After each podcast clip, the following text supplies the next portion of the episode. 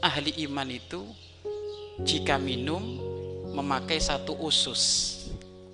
Wal kafiru adapun orang kafir yashrabu fi sab'ati am'a maka adapun orang kafir di saat dia minum dengan tujuh usus. Rawahu muslim riwayat imam muslim. Ada beda ahli iman dengan orang kafir.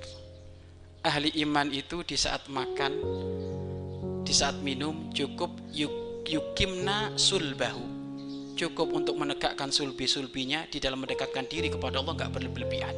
Beda dengan orang kafir. Orang kafir di saat minum yang puas mumpung tamaknya ditampakkan. Eh, tamaknya ditampak ditampakkan. Makanya di saat inti bertamu ke rumahnya orang jika kamu ahli iman fahami ini inti makan dengan satu usus. Bukan tujuh usus. Kalau tujuh usus tujuh usus berarti bandingannya berapa orang?